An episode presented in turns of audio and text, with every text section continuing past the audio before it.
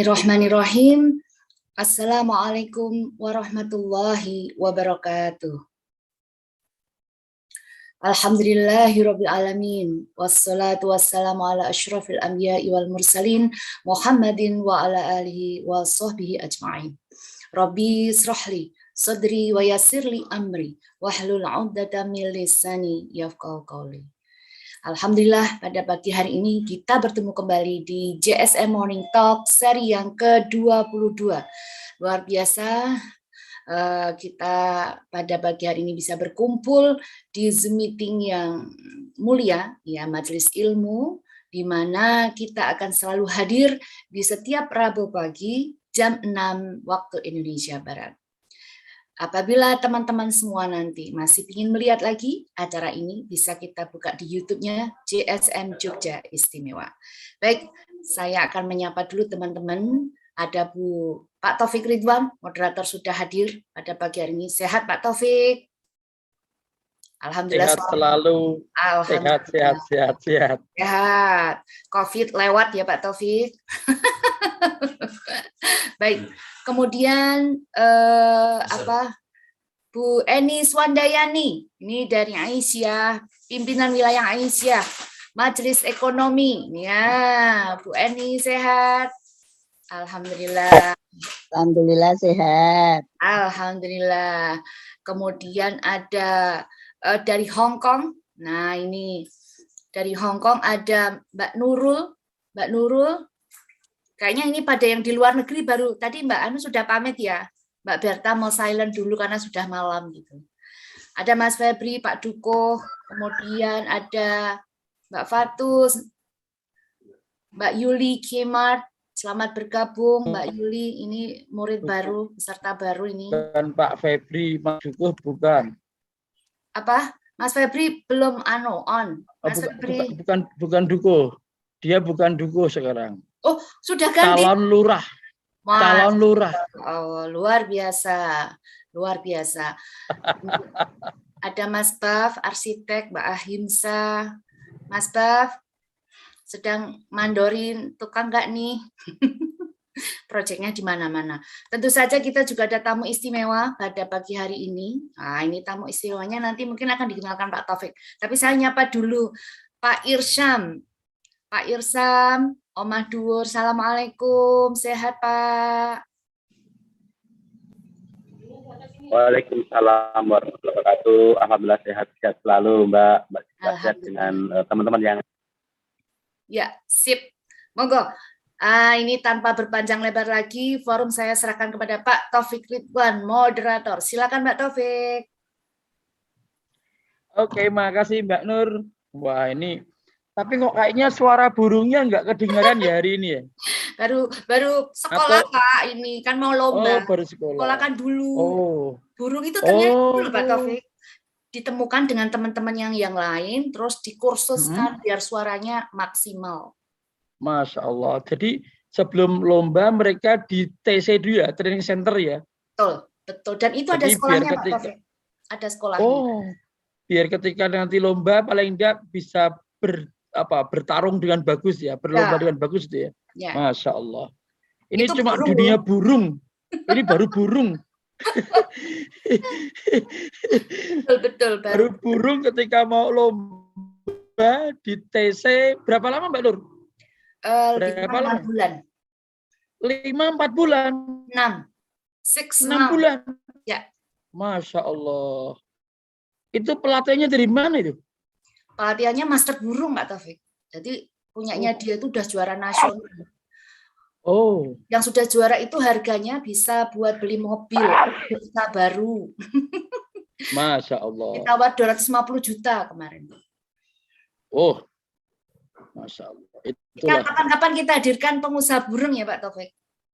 Eh, itu lama-lama ada begal burung. Iya. Luar biasa burung itu. Wih, ada Mbak Berta. Yugoslavia. Eh, kok Ah, Yugoslavia? iya, Apa itu? iya. Ah, Motif. Makedonia. Macedonia. Iya, saya ada. Macedonia, Masya Allah. Mbak Berta. Pak, Soalnya sudah tengah malam. Oke, siap. Nggak usah bener-bener ya. Mbak Berta, selamat. Makasih loh Mbak Berta. Ya. Tidak usah bener-bener. Ngomongnya bisik-bisik saja. di sana udah jam satu malam ini. Masya Allah. Jadi ngomongnya busy-busy, Masya Allah. Iya. Dunia. Oke, tidak usah berapa banyak Mbak Nur. Ya. Mbak Nur, terima kasih banget. Jadi Alhamdulillah pada hari ini kita pagi ini kedatangan tamu istimewa. Ada Mas Irsam. Mas Irsam ini juga keluarga kita, alumni Muha juga. Oh, Kemudian beliaunya juragan di Kota Hmm. Gede. Mau butuh silver, ah, dia punya HS Silver. Kemudian mau eh, kulineran yang agak rada high class dan keren, ada Omah Dhuwur. Nanti bisa di-set di eh, Instagram atau mana. Kemudian yang eh, apa rakyat itu artinya merakyat itu yang besok akan kita jadikan tempat untuk pelatihan eh, offline bagaimana membuat video. Nah, hari ini kita diskusi tentang eh, bagaimana sih memikat pemirsa, memikat pelanggan yang dilakukan oleh kita sendiri. Ini maaf loh ya, bukan berarti kita mematikan bisnisnya para pembuat eh, video maker, tetapi hal-hal yang kecil itu bisa kita lakukan sendiri. Ternyata hal-hal promosi yang kecil apa pun kita lakukan tidak perlu dengan narsis, tidak perlu dengan terlalu apa eh, terlalu ter- terbuka ya, tapi kita buat yang unik dan keren. Nah, hari ini Mas Irsam, alhamdulillah sudah rawuh, beliaunya eh, kalau di juga PH aktif di GIPI, Gabungan Industri Pariwisata, kemudian aktif juga di eh, PHRI karena beliau punya restoran, eh, bahkan beberapa tempat dia eh, apa namanya di Gunung Kidul terutama itu dia bina menjadi sebuah tempat yang besar. Nah, eh, Mas Irsam akan mencoba mengajak kita, melatih kita, nanti juga akan praktek. Nah, ini yang tidak kalah menariknya praktek. Kalau teorion biasa praktek. Tapi sebe- seberapa besar pengaruh video, pengaruh konten eh, video yang kita buat biar memikat pemirsa, biar memikat siapa pun orangnya. Bahkan eh, tidak usah khawatir. Orang yang usianya udah 60 tahun pun sekarang banyak YouTuber. 70 tahun ada juga YouTuber nenek-nenek itu. Karena apa? Dia bisa merekod, dia bisa mengedit, dia bisa menambahkan sesuatu di situ. Dan, dan keren sekali. Oke, saya minta maaf Mbak Nur, hari ini saya pakai eh, topi. Topinya ini eh, apa namanya persembahan dari komunitas anak muda di Bantul yang peduli dengan binatang. Jadi ini sama dengan kalau saya mengatakan bahwa anjing itu halal, jangan dimakan. Kalau saya sebagai ketua PPHI, ketua CSM begitu. Tapi kalau ini lebih lebih lebih anu lagi. Dog are not food. Itu anjing tidak boleh dimakan. Orang ngomong soal halal dan haram, tapi langsung des itu. Nah, ini bagi yang nggak suka begitu, tapi bagi yang suka dog are very nice food. bagi yang suka. Oke, tidak berpanjang lebar kepada Mas Irsam, waktu saya serahkan. Monggo Mas Irsam. Kalau nanti butuh share, Mas Irsam sebagai eh, co, nah, silakan. Admin. Oh, terima kasih ya Mas eh, Yulfi dari iFrame Oh iya. Multimedia. Terima kasih yang selama ini membersamai kami. Nanti Mas Irsam jadikan admin atau jadikan eh, host kalau nanti mau share materi atau apa begitu. Contoh-contoh video atau apa. Oke Mas Irsam, waktu dipersilakan. Oke, terima kasih. Tes modulasi sudah oke ini, Mas Taufik, suaraku. Oke. Oke. Yes.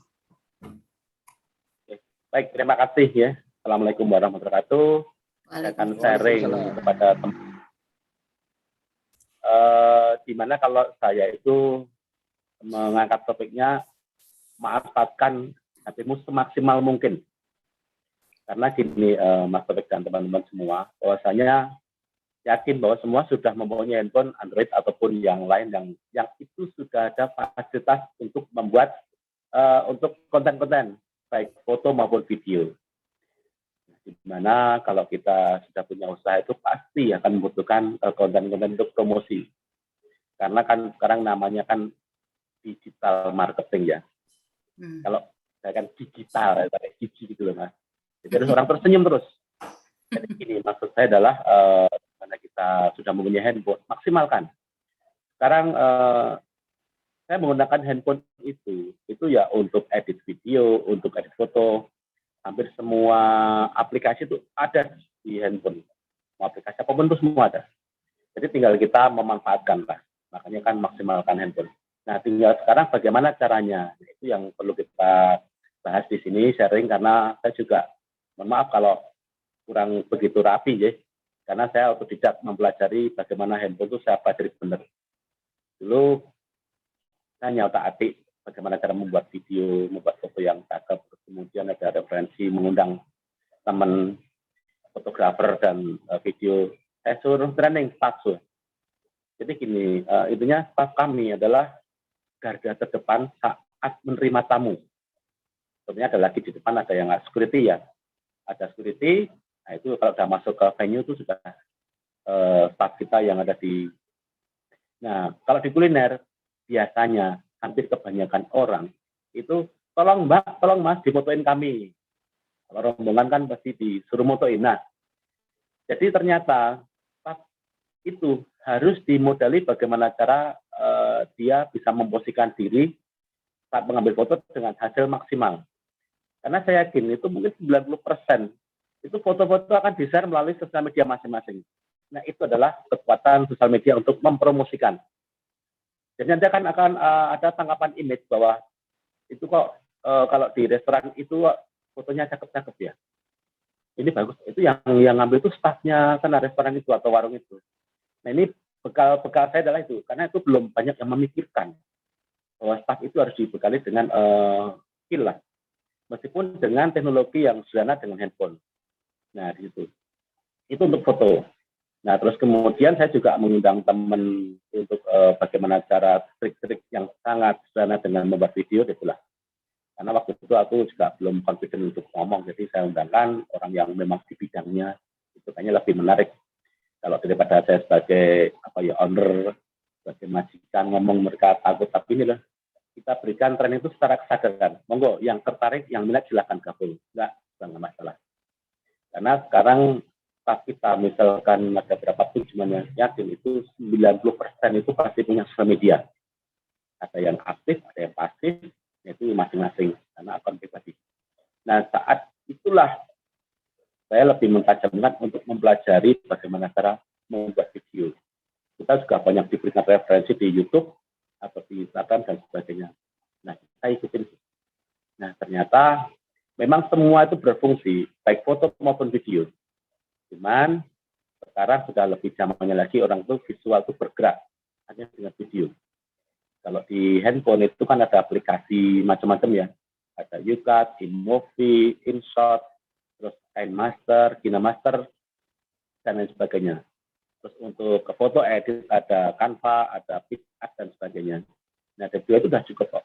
Kalau yang saya pelajari adalah uh, kalau foto dengan PicArt, terus kalau untuk video Master. Nah, nanti akan saya adakan uh, apa lah, sharing lah kalau training juga. Tapi sharing bagaimana cara membuat. Karena kalau untuk promosi itu cukup dengan satu menit maksimal maksimal. Jadi kalau mungkin Anda kurang percaya, coba Anda membuat video, tunjukkan pada teman. Ya aku punya video nih, bagi saya menarik. Coba testimoni aja. Ya detik ke satu, dua, tiga, lima itu masih full fokus. 10 detik itu masih.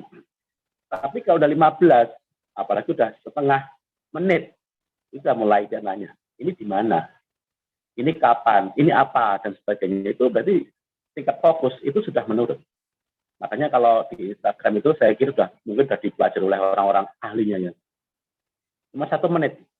Nah kalau bisa sebelum satu menit atau setengah menit itu sudah konten itu yang kita masuk sudah masuk. Nah ini yang yang yang apa yang yang saya pahami seperti itu. Jadi eh, kita bikin sinematik yang menarik. Nah, sekarang juga banyak yang diikut adalah tutorial.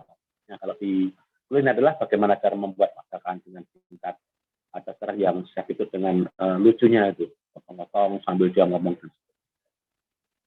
Nah itu adalah uh, kami adalah untuk memanfaatkan uh, handphone secara maksimal.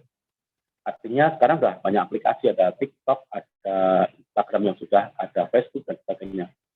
Namun uh, itu adalah uh, template yang sudah tersedia. Kalau kita ingin lebih mengeksplor diri, ya gunakan uh, jadi handphone hanya kan pakai InShot ada pakai iMovie kalau saya kenapa Pak Master atau Master itu adalah itu sudah cukup lengkap sudah kayak apa ya eh, editing profesional. Dalam arti gini, seandainya kita punya usaha apa pun, kita bisa menyajikan promosi yang menarik. Itu kan nanti kan eh, apa ya lebih lebih menarik orang untuk melihat. Apalagi dengan anak-anak muda sekarang yang dengan eh, lucu-lucu gitu. Monggo itu itu soal, soal konten silakan, tapi saya akan memberikan eh, eh, sharing yang yang sangat dasar yaitu membuat eh, video ataupun editing dengan dengan handphone cukup. Bahkan sekarang saya membuat PowerPoint kalau kita eh, suruh menjadi narsum itu saya sudah banyak dengan handphone. Meskipun dalam bentuk sederhana, tidak bagus dengan PC ataupun laptop, tapi sudah cukup begitu kita di base, kita di jalan. Pak Syam, besok isi ya, oke siap, apa materinya? Udah, kita cari referensi, pakai handphone, kirim WA, terus sudah cukup. Artinya memang handphone itu sangat melekat dengan diri kita. Nah, ini yang mungkin teman-teman eh, belum banyak yang menggunakan handphone adalah untuk WhatsApp, untuk buka Instagram, untuk buka Facebook. YouTube jarang. Bahkan eh, karena mungkin eh, data menyedot banyak, kalau YouTube itu jarang hanya dilihat slide-slide. itu. Nah, tapi fungsi dari handphone adalah sudah menjadi alat kerja kita. Jadi bisa menjadikan sekretaris kita. Artinya apa? Kita janjian dengan orang, kita lihat di memori di apa di handphone di kalendernya. Oh, kita ada janjian. Terus kemudian kita disuruh eh, melihat eh, postingan teman-teman. Nah, ini ini nanti kita bicara lagi yang adalah bagaimana cara kita meraih banyak subscribe ataupun viewer ataupun like. Memang harus dibentuk di Mas Taufik dan teman-teman semua. Eh, orang sudah mempunyai eh, Instagram maupun Facebook ataupun YouTube apalagi itu kalau dengan materi promosi, mohon maaf ya, jarang yang mau like. Tapi begitu saya mencoba dengan eh, foto yang lucu-lucu, video lucu-lucu, itu mereka melihat. Nah makanya kalau sudah, sudah masuk ke konten sudah cukup oke, baru kita akan melalui digital marketing. Kita sudah punya platform, kita punya usaha platformnya pasti kita gunakan eh, Facebook, Instagram, ataupun YouTube. Nah sekarang sudah bilang Instagramnya apa. Nah, lebih lagi sekarang nanya tuh channelnya, YouTube mau apa channelnya itu. Nah, ini yang harus kita bangun bersama. Karena kalau kita membuat komunitas eh, YouTube, itu saya kira mudah kok untuk mencari subscribe. Karena kalau hitung-hitungannya, temanku tuh banyak di sosial media. Tapi subscribe belum banyak kalau di YouTube. Karena orang tuh nggak tahu, mungkin mau klik di sub aja, klik, klik, uh, like aja mungkin masih ya. Jadi itulah itulah uh, bagaimana cara kita meraih untuk uh, subscribe atau like atau viewernya atau penontonnya. Ini yang kita harus perhatikan dengan menarik. Itu mas. Mungkin nanti kita lagi sharing. Kalau mau ada pertanyaan dipersilahkan. Itu mas. Sementara itu dulu mas Taufik. Terima kasih. Ya, Pak Taufik. Halo, halo, Pak Taufik. Oh, Pak Taufik hilang sinyalnya. Pak Taufik ngudang Ya, ya. Jadi luar biasa ya, Pak Irsam ya. Jadi eh, sekarang itu teknologinya itu ditentukan di di di bawah satu menit ya. Materi promosi itu Ya. ya Allah luar biasa cepat sekali. Anak-anak, jadi sekarang orang itu melihat video itu yang eh, jadi maksudnya pesan itu harus tersampaikan di bawah satu menit. Itu berarti eh, bagaimana cara natanya ya Pak Irsan ya? Mungkin setengah menit. Jadi hitungannya itu detik mbak. Jadi kalau kita mau promosi, jangan terlalu banyak. Intinya apa? Kita mempromosikan nasi goreng. Dengan tepat eh, menyajikan langsung inilah nasi goreng gitu. Iya, iya, iya. Seperti iklan TV itu kan iklan, karena mungkin juga mahal makanya ada iklan yang diulang-ulang. Karena kan persepsi saya adalah bagaimana kita menyajikan eh, visual itu langsung ditangkap di otak. Jadi Hmm. kalau mohon maaf kita mungkin lebaran orang hanya melihat saja. Oh foto kayak gini. Tapi kalau kita ulang-ulang-ulang akhirnya tertanam juga di, masing-masing. Kayak apa sih kok ini kok iklannya kok menggigit toh? Nah dia browsing.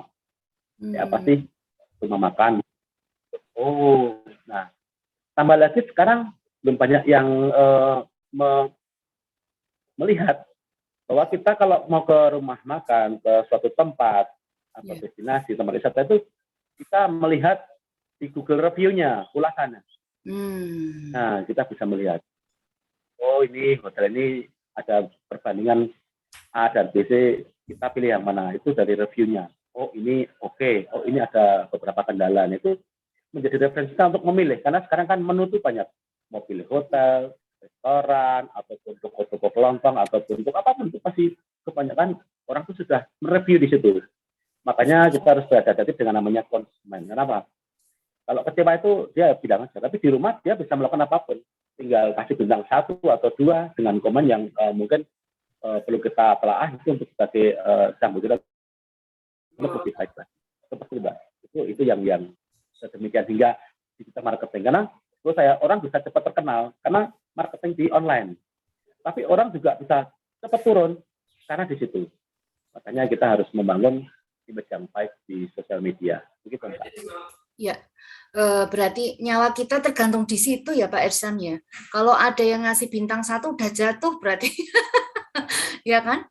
Kalau ada orang misalnya nggak suka gitu ya, kayak kema- eh, kayak ini ceritanya ini saya share sedikit ya Pak Ersam sekaligus tanya mungkin ya. Begitu juga di Azhara itu juga seperti itu. Azhara Spa Muslimah punya saya itu kan juga eh, mereka tuh pada tahu di antaranya lewat Google gitu kan. Eh, cari spa muslimah Jogja gitu. Akhirnya larinya nanti ke Azhara gitu. Dari situ mereka akan lihat bagaimana komentar-komentar itu Azhara yang pernah ke Azhara gitu ya. Nah, terus saya langsung anak saya itu yang handle. Ibu ini ada komentar seperti ini, terusin dijawab gitu saya gitu. Yang merasa kecewa dengan potong di Azhara silakan. Jadi gitu ya Pak Irsan ternyata ya.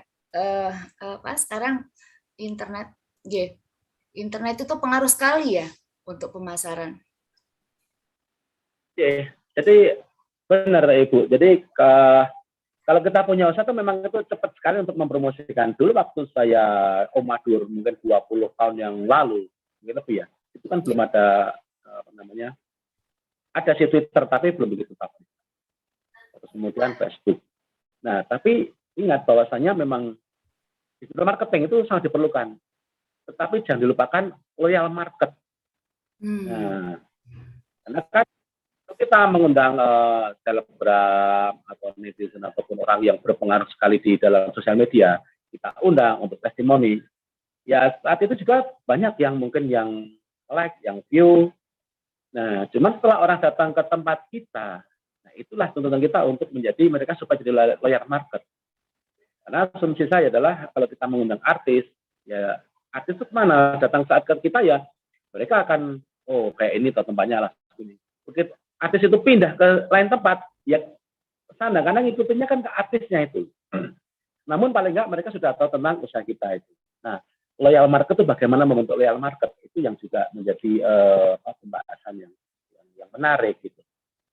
Artinya kalau bagaimana kita mau menjadikan plan loyal market adalah ya kita harus berbaik di offline-nya mungkin ya kita aktif di suatu asosiasi atau dua asosiasi juga juga kita aktif di masyarakat itu otomatis eh, secara tidak sengaja itu kita dipromosiin ya seperti Mas Taufik ini ya kan kita ketemu di tempat mesti saya nggak usah ngomong loh, ini Mas Sam ini yang punya Omah Dur yang punya ini ini ini itu itu otomatis. nah, itu adalah satu bentuk adalah loyal market kita yang tidak sengaja itu menjadi orang-orang kita menjadi corong untuk mempromosikan M to M, mulut ke mulut gitu.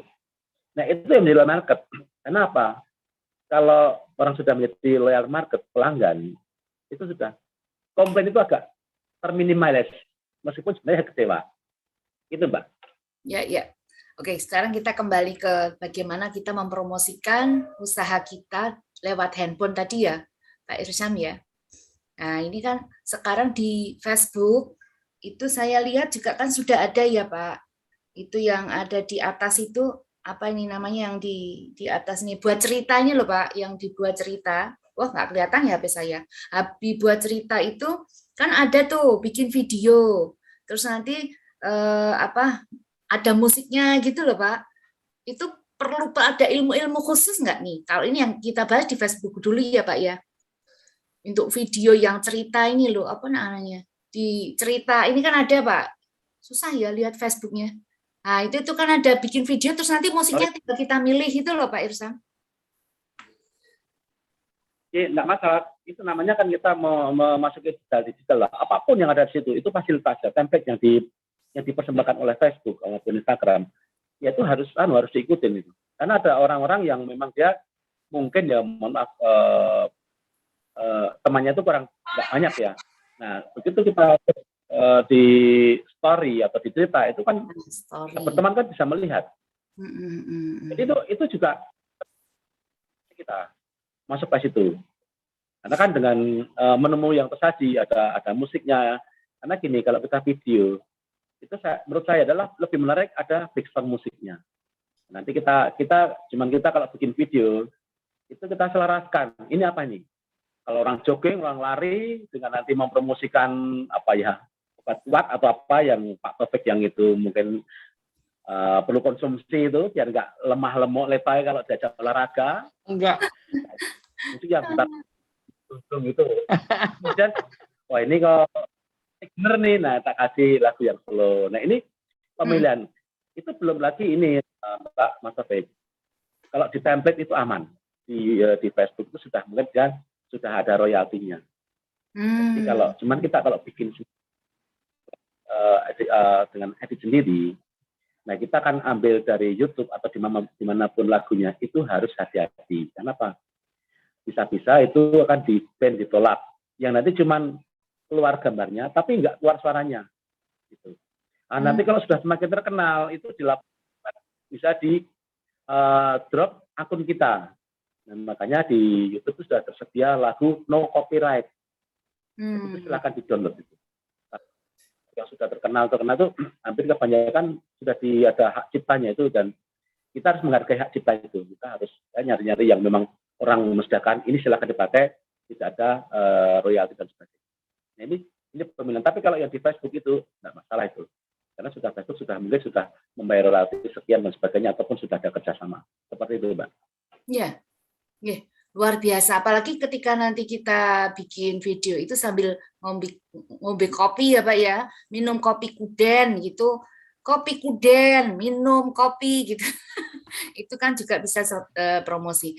Baik, ini dari peserta ada yang mau tanya nggak ya tentang pembuatan video? Ini Mbak, yang yang Kemil, yang anu, yang dan Kmart itu sama Mbak Yuli ya. Kmart, ya Mbak Mbak Yuli itu. Ah, Mm-mm. Mbak Yuli, Iya, Pak, mau silakan Mbak Yuli. Iya Monggo Pak, Mbak Yuli, ada yang mau tanyakan silakan.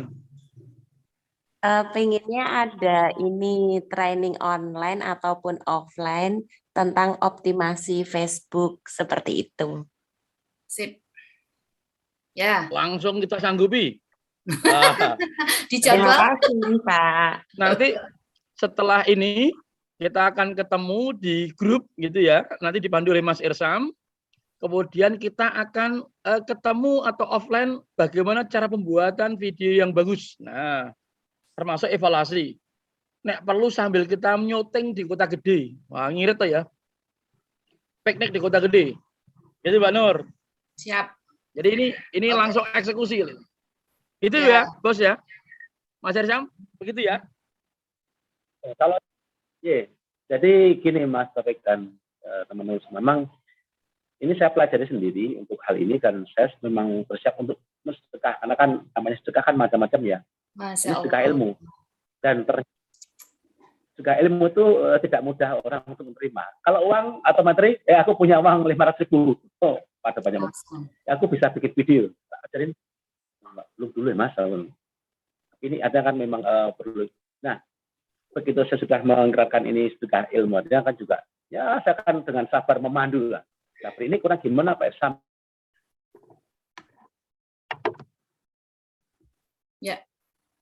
Sinyal, sinyal. Iya, Mbak Nur, tempatku juga iya. Ini kalau tak kasih wajah saya langsung hilang sinyalnya wedi. Oh, jadi bicara um, optimasi tentang Facebook tadi Ya. Ya. private atau dia itu mas yes. Ada beberapa sarana untuk mempromosikan usaha kita lewat video, di antaranya lewat Facebook, gitu ya Pak Irsa, lewat IG, kemudian TikTok gitu ya Pak Irsa. Mana saja yang bisa kira-kira kita promokan lewat video itu?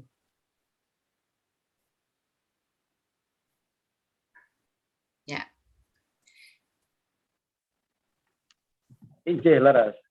laras. Cuman sekarang begitu masuk ke Facebook itu ada beberapa fitur-fitur yang kita harus tahu lebih dalam lagi gitu mbak. Ya. Bingung. Mas admin ini cuma hmm. touching one phone udah. Oh. Yo yo yo, what's up? Di ano ini. Mas Dika, what happened? Ada alien masuk. Eh, Baik. Oke, tidak apa. Mbak Nur, beliau dari luar negeri tuh. Eh, Dr. Sin Keheller. Wow. Ya. Oke, ada Jack Watterson juga. Terima kasih Mas Jack. Oke, lo tuh. Tuh tuh ada yang bisa di tuh. Bisa dihilangin tuh. ya Bisa ini. di bank itu ada ada anak muda yang keren tuh. Eh bisa diteruskan. Jadi pertama besok kita akan ada ada satu pertemuan khusus eh, di Padu Mas Irsam. Kemudian insya Allah eh, kita akan menjadikan menarik ya. Oke oke ada sin tuh orang luar negeri itu kayaknya tidak apa biarkan aja. Bisa di ban? Biarin aja enggak apa. Dia masih hidup alhamdulillah. Baik. Ada pertanyaan nggak kira-kira? Ya, iya, Pak Taufik. Dari Mbak dari Mbak Yuli tadi apakah masih ada tambahan Mbak Yuli? Ada yang mau ditanyakan? Tadi luar biasa Pak Irsam luar biasa ya, mau memberikan ilmunya. Eh, Oh di unmute dia, from Bubble. Ada yang mau tanya Oh. dari Bubble? Dari Bangka Belitung Pak Warsongko, dipersilakan Pak Warsongko.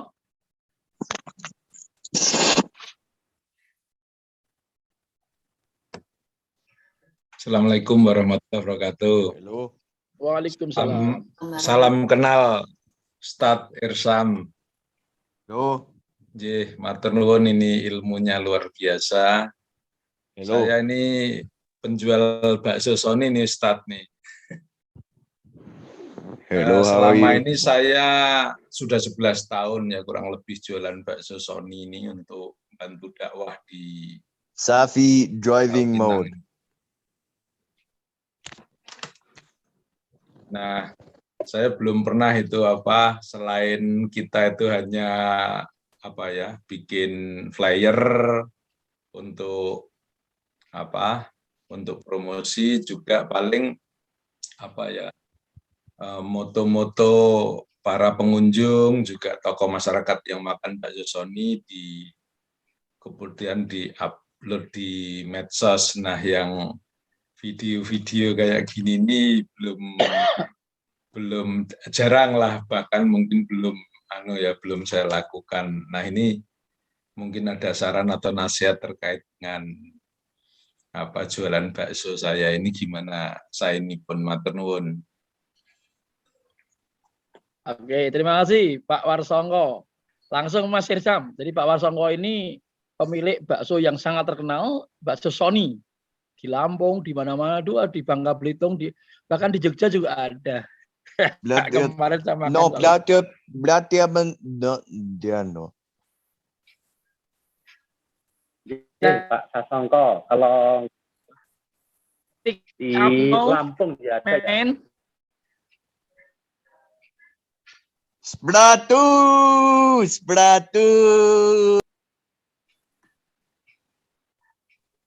Apa baik? Monggo Pak Irsam. Sorry, Monggo Mas. langsung lawan. Sorry, sorry. Monggo, Pak. Mas Dika bisa dibantu untuk silent. Jadi eh, apa namanya? Kalau nggak salah di Lampung ya, saya sudah beberapa kali di Lampung. Eh, dari Iya. mana? Dari eh, Pusatnya Lampung deh. Bu Ali. Eh mana? Dari Saya di Pangkal Pinang. beberapa kali. Iya, saya pernah beberapa kali saya punya teman sana dari motor antik. Sekarang dia aktif di PT Subuan. Oh, Beberapa siap. kali ya memang luar biasa. Alhamdulillah saya pernah. Terus kemudian dia memang di Bangka ya. J. Jadi kalau bangga saya belum saya pernah hanya ke toko Wali dulu di sana keluar uh, di destinasi itu saya juga gunakan uh, handphone untuk uh, dokumen saya untuk dimasukkan di YouTube. Nah, memang sekarang sudah ada aplikasinya di jenengan bisa masuk di Facebook. Itu kan bikin story itu ya cerita itu ada lagunya. Jadi ambil video yang dapat detik aja itu terus kemudian tambahin suara jenengan atau siapa pun yang silakan datang untuk menikmati kemudian Pak Sony eh, menggunakan apa namanya daging yang pilihan dan sebagainya. Ada lagunya udah nanti bisa di download itu bisa diserahkan atau ya TikTok lah sekarang sudah banyak sekali. Kan kalau memang nanti sudah bisa bikin video mungkin tutorial bagaimana cara membuat bakso. Sharing-sharing lah. Jangan khawatir kalau kita sharing terus kemudian ilmu kita akan terserap oleh orang lain dan kita akan ada saingan. Ya namanya bisnis ada saingan. Tapi ini cita rasa yang tidak bisa distandarisasikan. Orang akan milih ke mana itu. Nah artinya eh, bikin tips-tips sedikit yang misalkan eh, bagaimana cara eh, bakso lebih awet bagaimana cara bakso eh, memakan bakso yang memang eh, lebih enak dan sebagainya. Bikin eh, apa ya movie kecil-kecil gitulah gitu. Itu apa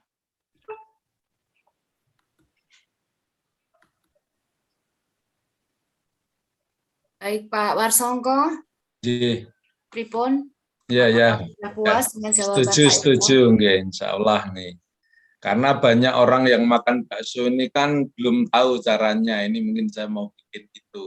Jadi ini ada tips sekalian saya sampaikan. Jadi kalau kita makan bakso di mana pun, itu sebaiknya itu diaduk dulu. Diaduk, kuahnya supaya campur bumbunya dites. Enak ora, tes case-nya seperti yang dibilang tadi Ustadz Irsam itu kan. Itu pertama. Terus yang kedua, setelah sudah diaduk, sudah dicipi kuahnya, enak pora, itu baksonya dibelah. Tadi terkait dengan daging tadi. Jadi dagingnya ini padat enggak, isinya sepiro ini kan dilihat bisa. Oh ini hampir daging semua kayak bakso Sony misalnya gitu. Terus ketiga, monggo silakan mau pakai sambal, mau pakai saus, mau pakai kecap, mau pakai apa pun. Nah, yang Hmm. saya amati di bakso Sony itu pada keliru. Mereka langsung sambal, saus, kecap. Oh, jadi rasa ngerasake itu.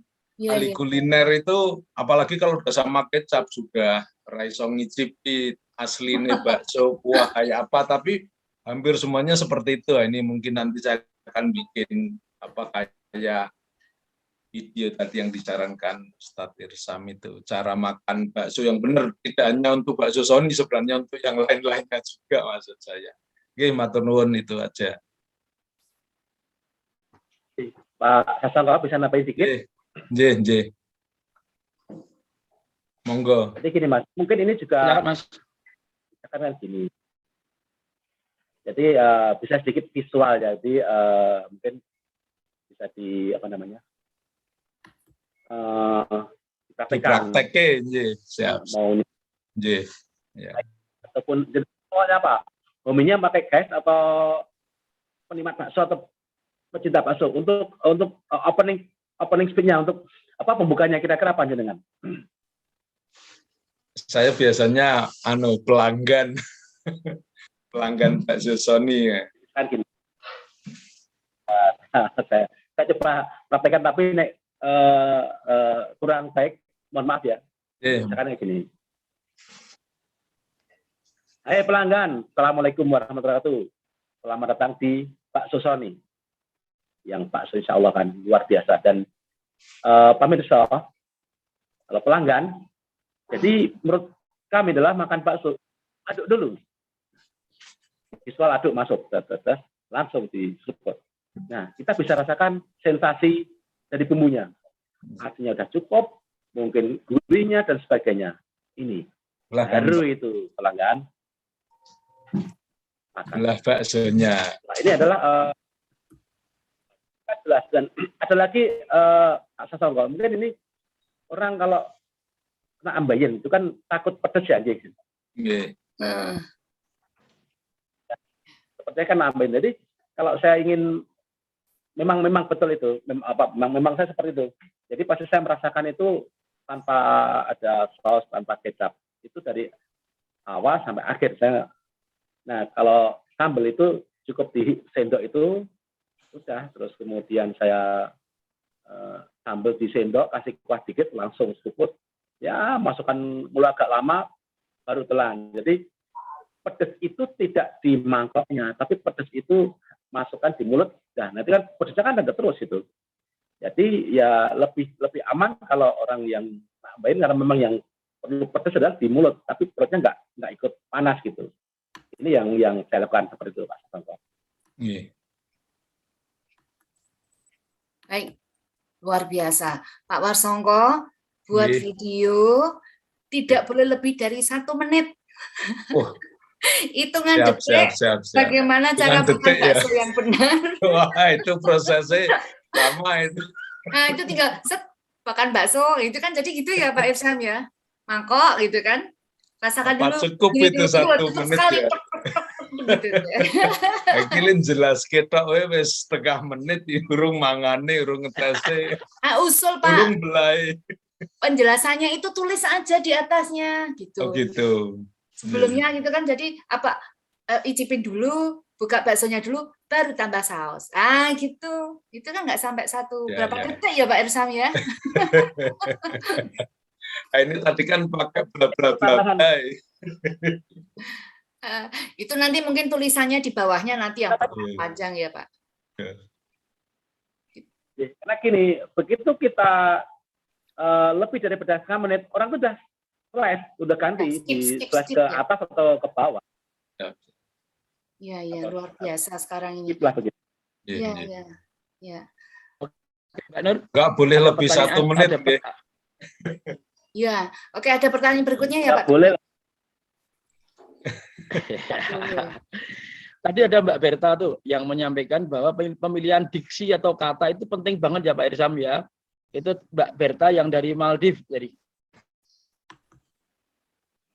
pemilihan apa, Mas Topik? diksi diksi Kata. kata yang digunakan diksi. Diksi itu kata yang digunakan untuk dibicarakan tadi itu loh kayak bakso itu dulu buka baksonya baru tambah saus. Ah, misalnya kayak gitu-gitu lah Pak Irsan. Ya, suaranya putus-putus sinyal. Nih. Ya, ya, narasinya aja. Ya, apa? Ya, ya, ini ada lagi pertanyaan dari Mbak Yuli Kemat. Eh, pertanyaan Pak Irsam, untuk edit foto bagi emak-emak lebih mudah Canva atau PixArt nggih? Gitu. Monggo Pak Irsam. eh, semua tuh eh, sama aja, cuman kalau fit itu lebih lengkap eh, template, tinggal masukin foto-foto tinggal kalimat jadi. Kalau fit art itu, kalau saya memang lebih fit art karena Hmm. bisa lebih lebih tapi semua sama aja kok. Tinggal kalau memang sudah sudah menguasai Canva juga silakan Canva juga. Oke, kalau mau belajar fit art juga nggak masalah.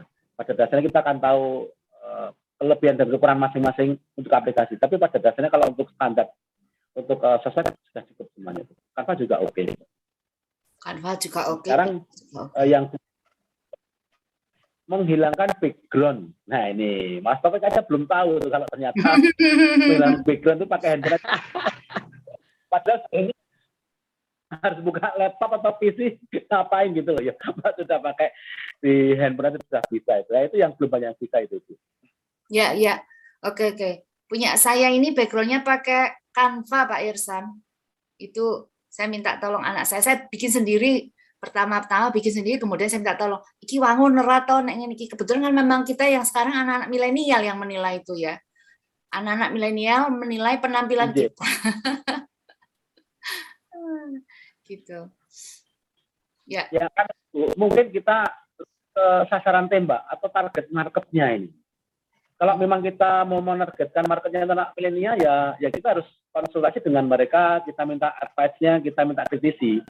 Tapi kalau misalkan untuk ya seperti usia Mas Topik dan kita kita ya udah cukup oke. Memang nanti gini eh, di video pun itu ada ada beberapa kalau sinematik itu kan beberapa rekan-rekan yang memang dia di art bener. Tapi kalau untuk menjelaskan lebih jelas kalau yang ini pakai proses tadi. Nah, nanti pemirsa itu yang akan menilai lebih suka yang mana. Nah, dia gini, maksudnya background tadi gini Ibu, yang saya maksud. Nih, kita Hmm. memfoto seseorang, saudara.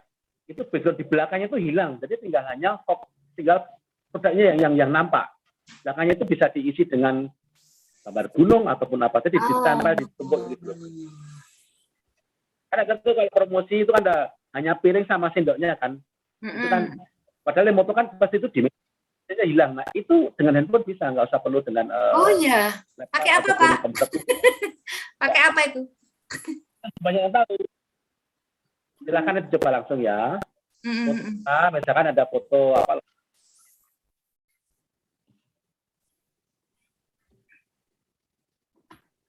salah ya kalau salah ya baru. Nah itu R E M O V E remove. BG itu background. Nah, nanti kalau baru terus keluar remove BG ada upload. Nah foto di upload itu nanti download nanti sudah backgroundnya tuh keluar habis semua di background di belakang kita tuh hilang tinggal fokus yang yang kita inginkan itu itu dicoba silakan. Nah, seandainya ada beberapa yang belum hilang, nah kita harus pakai aplikasi manual namanya eraser. Download aplikasi eraser yang belum hilang itu dimanualkan dipakai tangan di tik tik tik tik tik itu nanti hilang. Nah, itu akan masuk ke galeri. Silakan nanti foto tempelkan pakai Canva atau pakai atau di sudah tambah tulisan sudah jadi sangat simpel dan sederhana dengan handphone.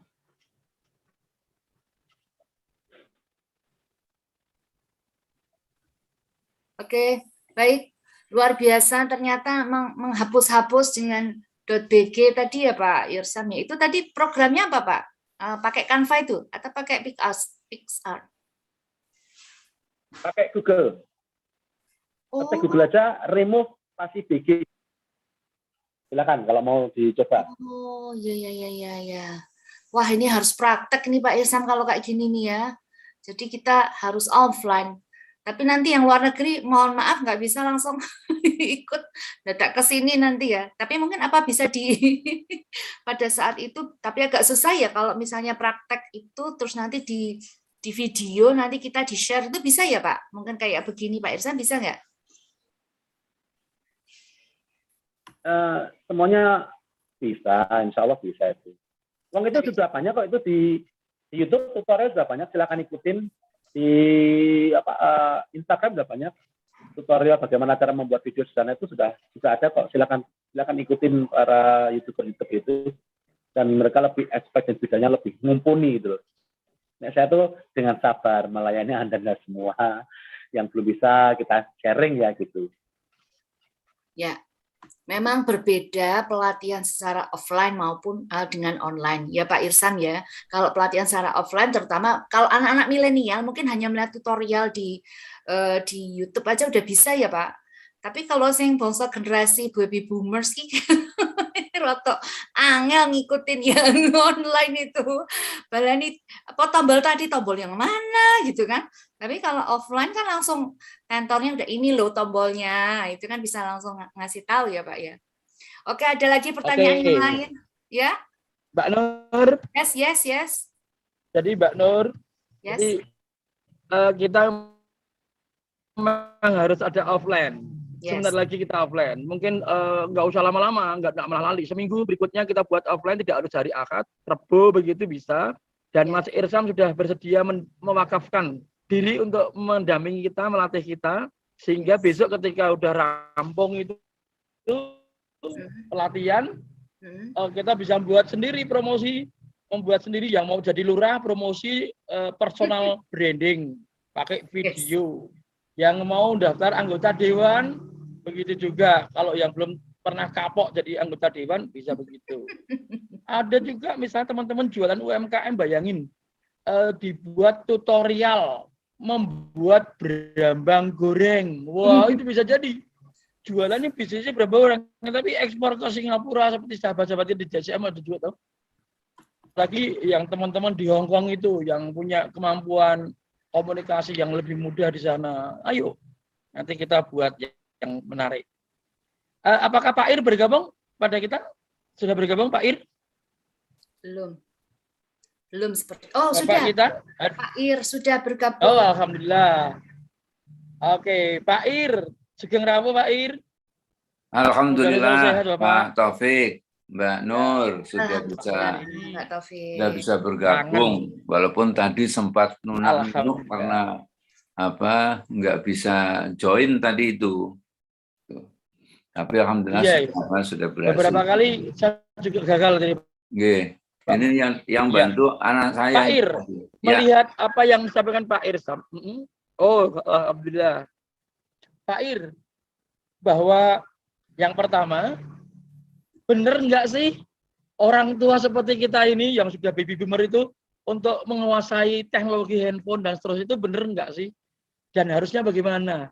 Yang kedua, promosi dibikin sendiri itu apakah ada nilai yang beda, Pak Ir? Silakan Pak Ir. Matur nuwun ya. Eh, yang pertama Pak Taufik dan Bapak Ibu yang saya hormati, saya mau bicara tentang dua hal ya. Yang pertama adalah eh, apa eh, dasolen, kemudian yang kedua bicara tentang dasain gitu ya. Kalau bicara tentang dasolen atau yang seharusnya ya itu riset membuktikan bahwa otak manusia itu selalu bertumbuh, pikiran manusia itu selalu berkembang, ya umur berapapun. Itu teorinya mengatakan begitu, ya. Sehingga Ibu Muriati Sudibyo ya umur 71 tahun ya kuliah lagi S3 kemudian lulus dengan cum laude dibimbing oleh Profesor Renal Kasali ya itu satu bukti bahwa umur 71 tahun pun ya masih bisa eh, menerima ilmu-ilmu setingkat S3 atau setingkat doktor. Ya, itu itu salah satu bukti ya. Tapi bahwa bahwa kalau dibandingkan dengan umur-umur sebelumnya memang pertumbuhan atau perkembangan usia sudah sudah di atas uh, apa ya 50 tahun itu ya memang harus diakui bahwa apa makin lamban itu. Ya dikandani sekali dua kali boleh jadi belum ngeh belum ngerti harus berulang-ulang. Ya tapi generasi milenial generasi Z ya belajar sesuatu yang baru itu lebih cepat. Itu itu adalah realita ya. Itu adalah kenyataan yang tidak bisa dipungkiri ya. Sehingga kalau misalnya saya kesulitan gitu kemudian saya tanya kepada anak ragil saya ya. Orang ini tadi eh, apa saya yang mengoperasikan sendiri sesuai dengan yang biasanya itu ternyata nggak bisa bisa gabung itu nggak bisa bisa join gitu ya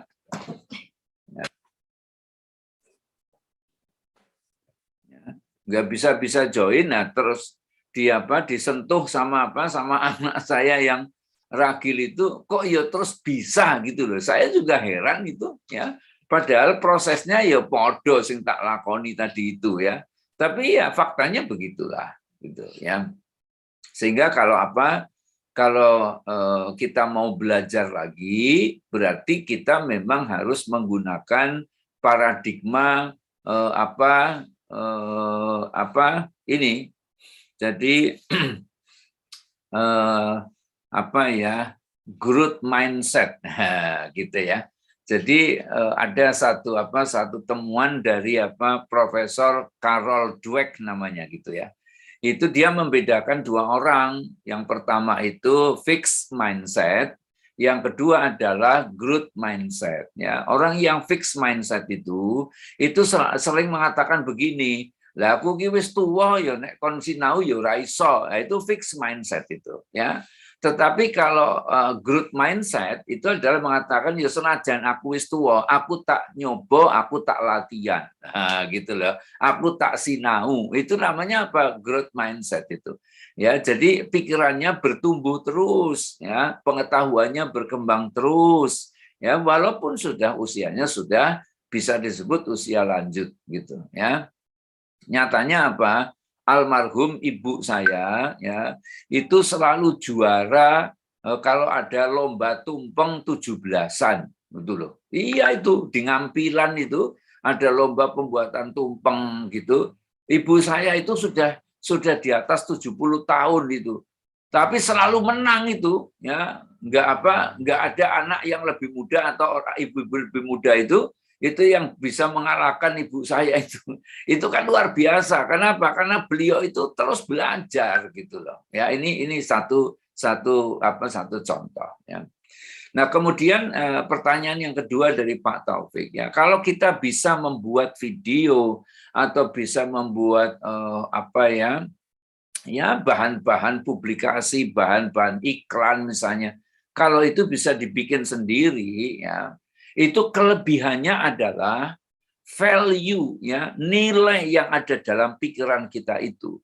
Itu bisa 100% kita tuangkan ya bisa 100% kita tuangkan tapi kalau yang bikin orang lain, ya itu boleh jadi dari sisi penampilan mungkin lebih bagus karena memang dia ahli ya.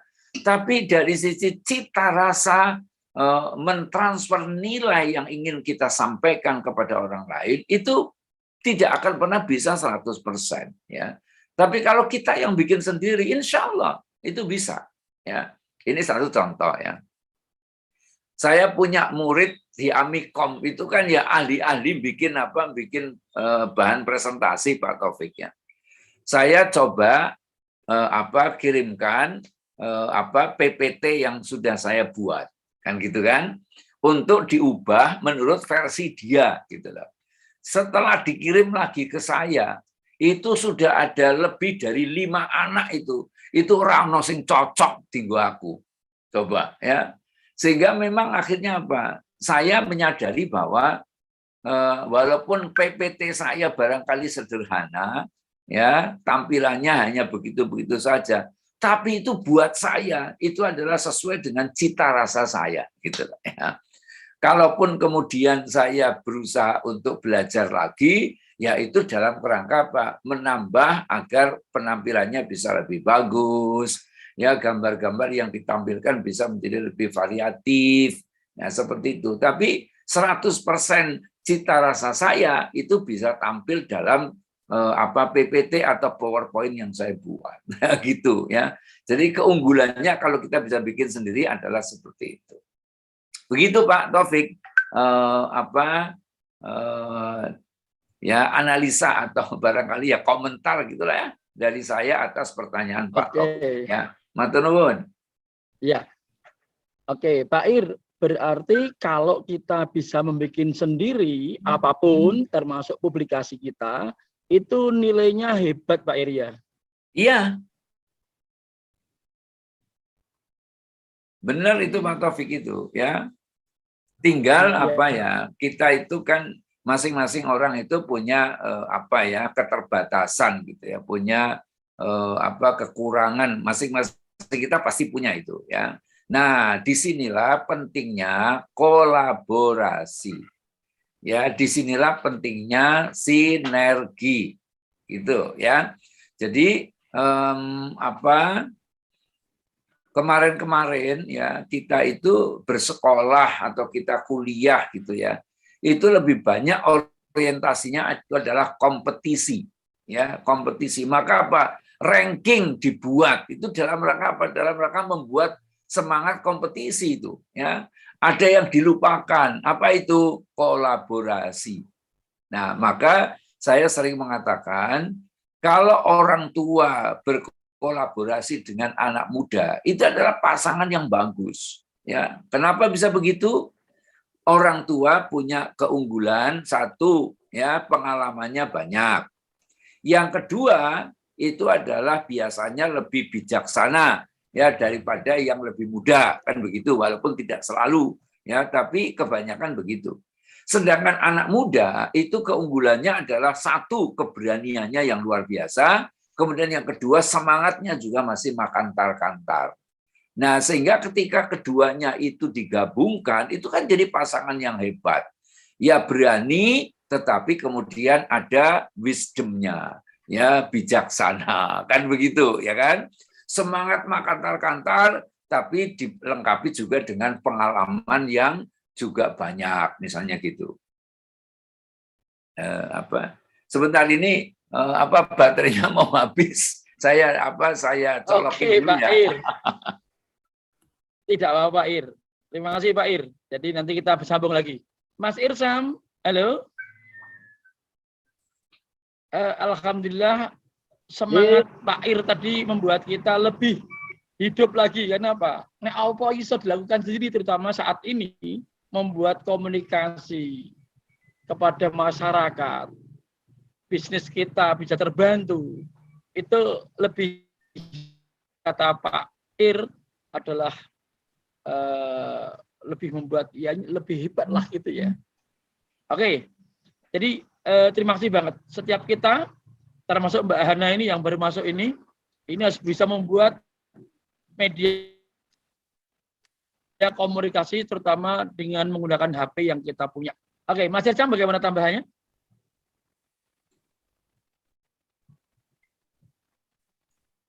Monggo Pak Ircam. Oke, Mas Taufik bisa nambahin? Oke. Yang Pak Ir tadi meng- Ya, silakan. mengalami, Monggo. ada gini, ada kontrak dengan eh, profesional untuk membuat video tutorial bagaimana cara pembuatan perang. Sudah saya sampaikan. Saya mau bikin 10, saya sampaikan, saya mau bikin 10 tutorial waktu itu, itu udah cukup lama itu, belum belum belum begitu keren ya. Oke, baru tiga kalau nggak salah. Itu ber, apa yang mindset yang ada di saya divisualkan oleh mereka itu ada sedikit berbeda. Masuk seperti ini, satu dua saya koreksi terus nggak nongol lagi. Padahal kita sudah saya sudah sampaikan, ini kok nek nek AP menurutku aku cocok akarnya buat 10 series gitu loh pembuatan.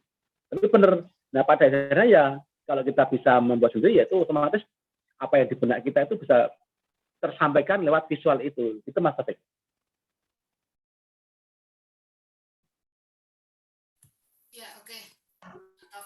Pak Ir, mau ditambahkan Pak Ir? Ya, Sinyalnya agak anu ya. Jadi memang ternyata apa yang kita inginkan videokan itu kalau tidak sesuai dengan diri kita susah ya Pak Irsam ya. Jenengan tadi bikin ternyata tidak sesuai dengan yang dipesan oleh Pak Irsam tadi ya videonya. Ya. Oke Pak. Anu, ini Mbak, memang eh, kenapa saya harus mempelajari waktu itu ya? Ada cerita waktu saya masih awal Omadur awalan. Mm, Ini teman saya kan Karnos Film ya. mm, itu mau syuting di Jogja kalau nggak salah tiga, tiga bulan.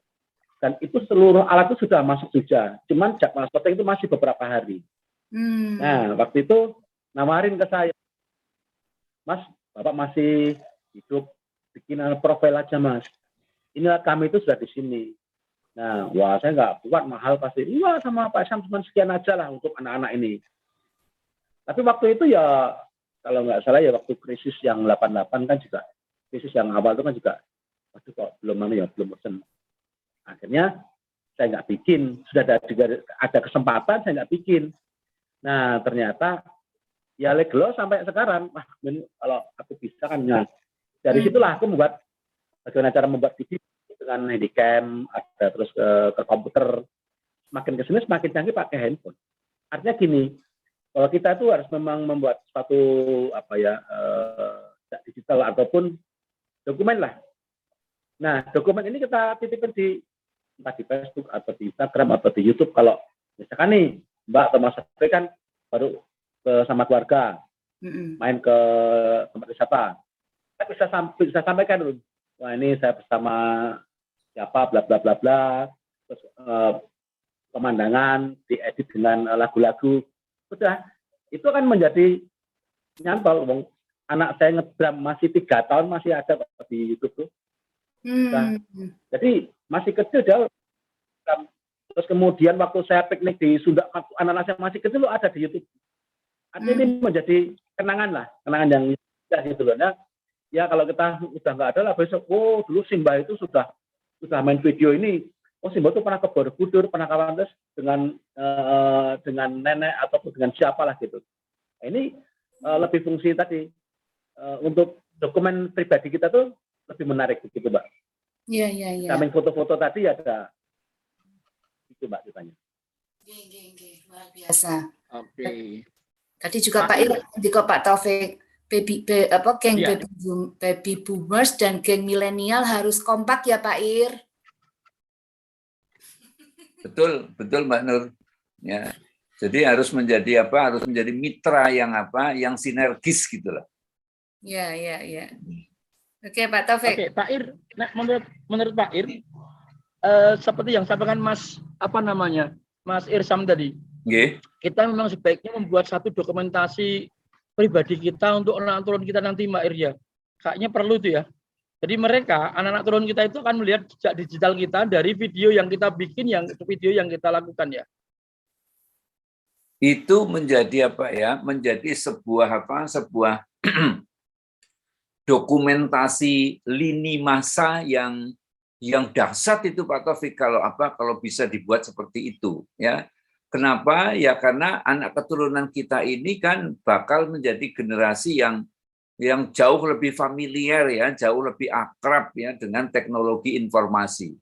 Ya sehingga kalau ada peninggalan peninggalan dari generasi sebelumnya berupa jejak digital itu itu menurut saya memang eh, sebuah warisan yang apa ya yang luar biasa itu. Ya selain tentu saja warisan pendidikan eh, apa akhlak yang harus kita sampaikan kepada anak keturunan kita begitu Pak Taufik Eh, kalau kita pengen dikenal oleh anak turun kita, yang saya yakin mereka nanti lebih canggih ketimbang hari ini. Mereka menggunakan alat yang lebih canggih ketimbang hari ini. Mereka memiliki aplikasi yang lebih top ketimbang hari ini. Sehingga kalau suatu ketika menemukan kita, ditemukan video kita eh, yang diedit dengan bagus, mereka akan mengatakan, wah ternyata mendiang Pak Taufik kayak Mbah Taufik kayak pinter ya nggak video tentang kebaikannya. kan gitu. Nah, saya kira ini kesadaran yang perlu dibangun secara kolektif ya bahwa kita harus meninggalkan jejak digital yang bagus, yang maksimal. Oke, begitu Pak Eri ya. nggih nggih nggih Kalau nggak gitu gini Pak Taufik. Wo, si Mbah Ka wis tahun dono sebulane. Buktinya neng YouTube gitu. Ini dari Mbak Anu ada komentar ini Pak Taufik. Ada komentar dari Mbak Siapa siapa, siapa Mbak? Mbak, Mbak Ila, Mbak Lia, Lia Abifana. Oh, Mbak Il. Mbak Ila. Ya. Mbak Pak Lila. Irsan, Pak Itu Irsan. pela- Ya, gimana? itu pelaku anu, itu pelaku pariwisata itu. Wisata ini. Pak Irsan, my teacher. Ya, silakan. Bukannya nggak nongol lagi, cuma belum nemu objek. Katanya gitu Pak Irsan. Ini alasan ini. Monggo dikomentari Pak Irsan. Oke, terima kasih. Memang jadi gini Mbak, kalau di saya dengan komunitas itu saya karena foto-foto saya bikin saya potong, saya potong terus saya gadok-gadokan yang menjadi sebuah visual yang menggelitik lucu lah gitu. Hmm. Namun eh, saya akan sharekan dulu di, di apa di, di grup itu. Karena kalau ada komplain itu di situ langsung dia japri, mohon maaf mas, bu, jangan itu. Nah, begitu nggak ada komplain, baru ke sosial media. Artinya kita juga boleh ngedit, tapi harus hati-hati lah. Karena ancaman undang-undang ITE ini kan juga cukup berat juga ya. Nah itulah makanya Hmm. eh, kalau kita sudah bermain sosial media, itu harus hati-hati juga. Oke, sekarang banyak teman-teman itu melakukan gini. Kita punya tempat, restoran lah katakanlah saya. Mereka foto, spread. Mau maksudnya itu, nih restoranku banyak pengunjung. Hmm. Yes. Nah, ya siapa tahu ada orang yang tidak berkenan. Terus kemudian komplain. Oh. Nah, komplain ini kalau tidak terselesaikan, hukum lah nanti yang yang akan di situ. Ada lagi di situ. Terus kemudian makanya kalau kita konten itu sangat hati-hati. Misalkan kalau kita ke rumah makan ya cukup eh, produk kita, tutorial. Kalau ada pengunjung pun harus minta izin. Mohon maaf ini eh, saya share di IG kami boleh gitu.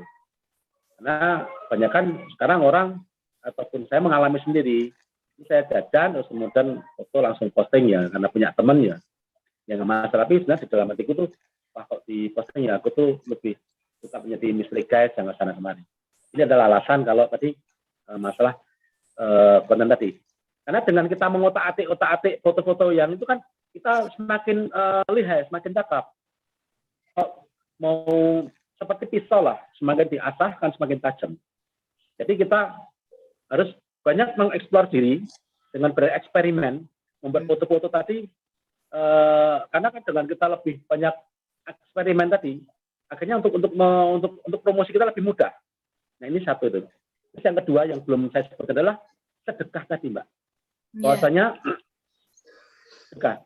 Dengan kita bisa membuat video itu, kita kita sharekan kepada eh, publik. Seperti yang saya lakukan adalah meskipun saya punya rumah makan, punya warung makan, tapi saya itu juga mempromosikan punya orang lain. Jadi silakan buka kalau mau dilihat Ya. eh, Instagramnya ya. Ya. Jogja Kuliner Jogja. Nah, coba itu ada berapa ratus postingan. Apa apa Nah, Pak? itu- Jogja Ya, kuliner itu- Jogja. C. Nyambung ya, Jogja Kuliner Jogja. Kuliner Jogja. Nah, betul. Ya, Ada ada ada klasifikasi. Jogja Kuliner Jogja. Ya.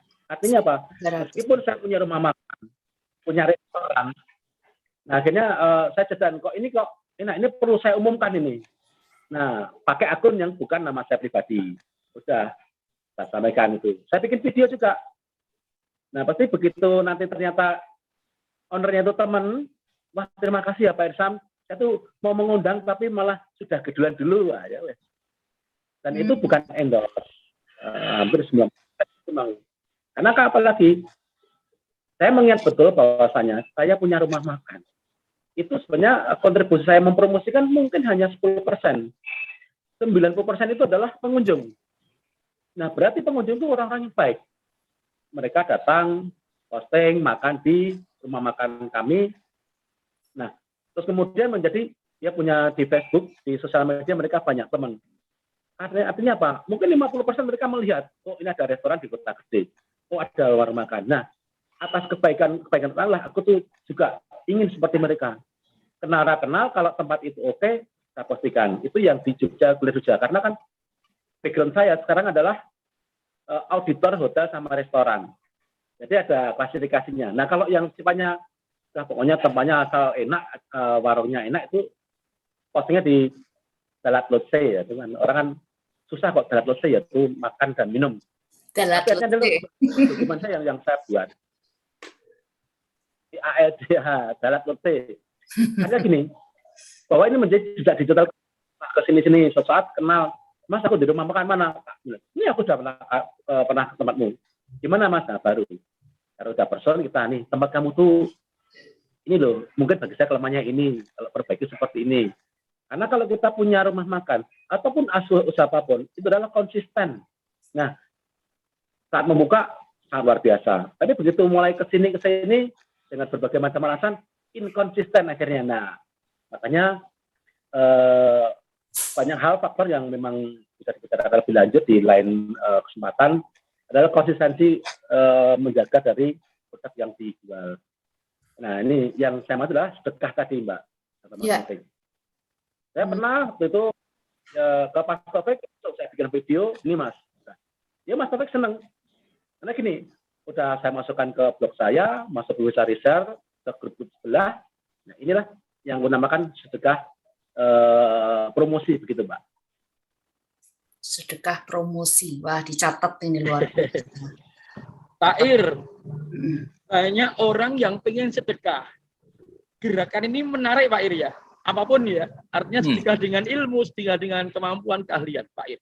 Ya. Pak Irsan ini termasuk. Bersedekah itu Pak Taufik ya. Bersedekah itu Ya. kalau konsep yang eh, apa yang lama itu kan dari orang mampu kepada orang yang tidak mampu kan begitu ya. Itu konsep yang lama kan Ya. begitu ya. Nah, untuk sekarang ini itu sudah mengalami perubahan itu ya. Bersedekah itu dari orang yang mau ya kepada orang yang membutuhkan. Nah, itu ya. Hmm. Makanya kemudian eh, apa muncullah banyak sekali anak-anak muda ya yang sudah memiliki eh, apa ya habit yang sangat bagus yaitu habit bersedekah. Ya, macam-macam kan ada sedekah rombongan ya kan ada eh, apa tangan di atas ada oh komunitasnya macam-macam. Eh, itu satu apa ya? Satu eh, realita yang menurut saya sangat apa? sangat eh, bagus dan kita perlu bersyukur ya. Artinya apa? Kalau zaman dulu kan orang-orang yang bersedekah itu biasanya kan orang yang sudah tua gitu memperbanyak sedekah. Nah sekarang anak-anak muda saja sudah banyak loh yang punya habit bersedekah. Nah itu artinya apa? Milenial yang apa? Yang dilandasi eh, apa akidah yang bagus ya, jadinya modelnya kayak gitu itu. gitu Pak Taufik.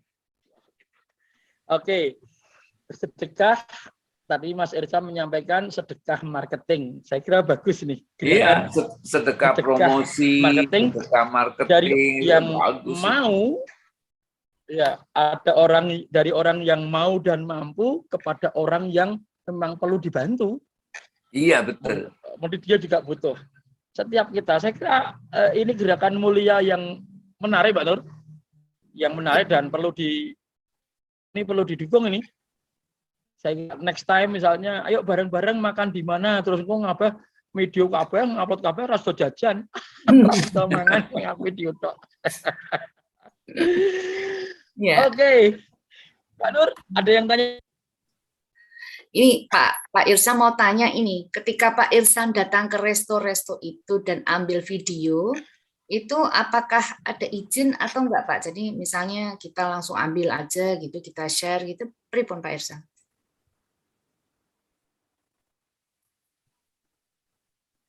Eh, biasa saya nggak kalau anu kan foto-foto langsung tak share gitu. Tapi kalau nanti video itu saya minta izin bagaimana cara dia misalkan yang eh, kalau pizza itu bagaimana cara dia membubuhin Mas boleh saya video gitu loh. Oh ya silakan Pak Nanti. Bagaimana cara mengambil dari tungku, terus Hmm. kemudian juga eh, bagaimana cara eh, itu kalau udah pakai gerakan saya minta izin karena saya akan mencari angel ataupun pos yang yang yang eh, posisi yang sangat baik. Jadi saya kalau saya misalkan eh, di suatu malam ya di Pak yang gelap itu susah itu, itu foto cukup. Tapi kalau untuk video itu karena kan ada keterbatasan ya kalau handphone itu kan kalau malam tak bagus. Jadi saya memang nera apik mendingan ora usah. Itu Mbak. Jadi Ya.